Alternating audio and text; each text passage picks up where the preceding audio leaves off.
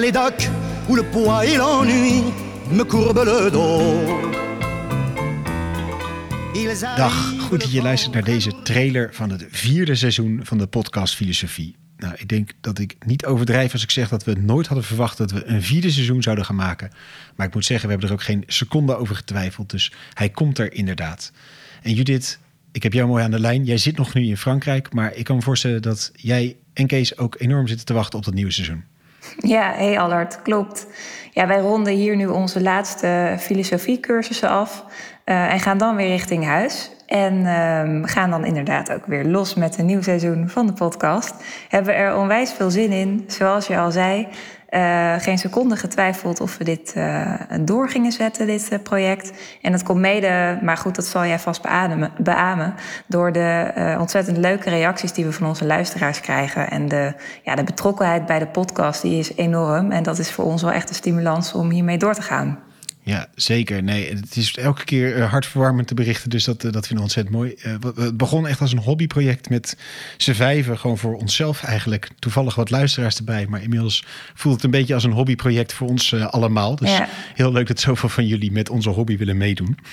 En ja, ook een belangrijke reden natuurlijk om een nieuw seizoen te maken... is dat er ook nog een hele hoop filosofen op de plank liggen... die we nog niet behandeld hebben.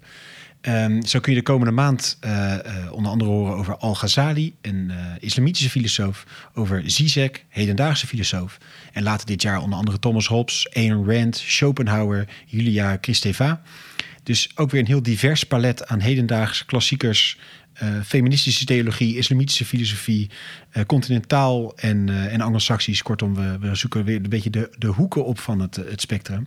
Ja, en uh, nou, we gaan ook echt al bijna van start. Want de eerste aflevering van seizoen 4 komt volgende, aanstaande donderdag. Nee, volgende week donderdag, ik moet het wel goed zeggen. Uh, online. Uh, en we starten met Karl Marx. Ja, en dat is met Paul Kobbe, die uh, vertelt ons daarover. En die benadrukt de economische kant van Karl Marx, maar wil ook vooral de, over de, de, ja, het mensbeeld van Karl Marx hebben, omdat dat eigenlijk minstens zo'n belangrijk onderdeel is in zijn hele denken.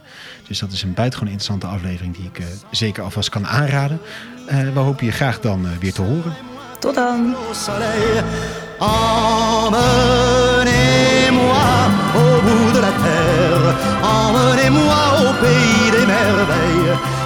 semble que la misère